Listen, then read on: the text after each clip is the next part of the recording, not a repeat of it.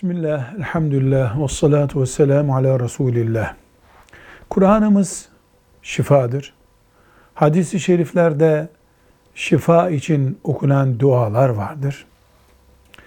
Doğru olan, en iyi olan herkesin kendisinin okuyup şifadan istifade etmesidir.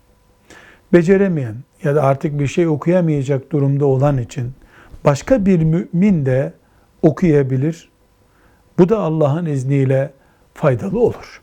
Ancak araya mal girdikçe, maddi bir menfaat girdikçe şifanın etkisi de azalır. Evet, hasta okuyan okuduğundan ücret alsa bu haramdır demiyoruz.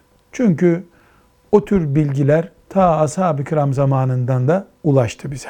Ama öz olan, asıl olan Kur'an'la, Resulullah sallallahu aleyhi ve sellemin dilinden gelen dualarla parayı buluşturmamaktır deriz.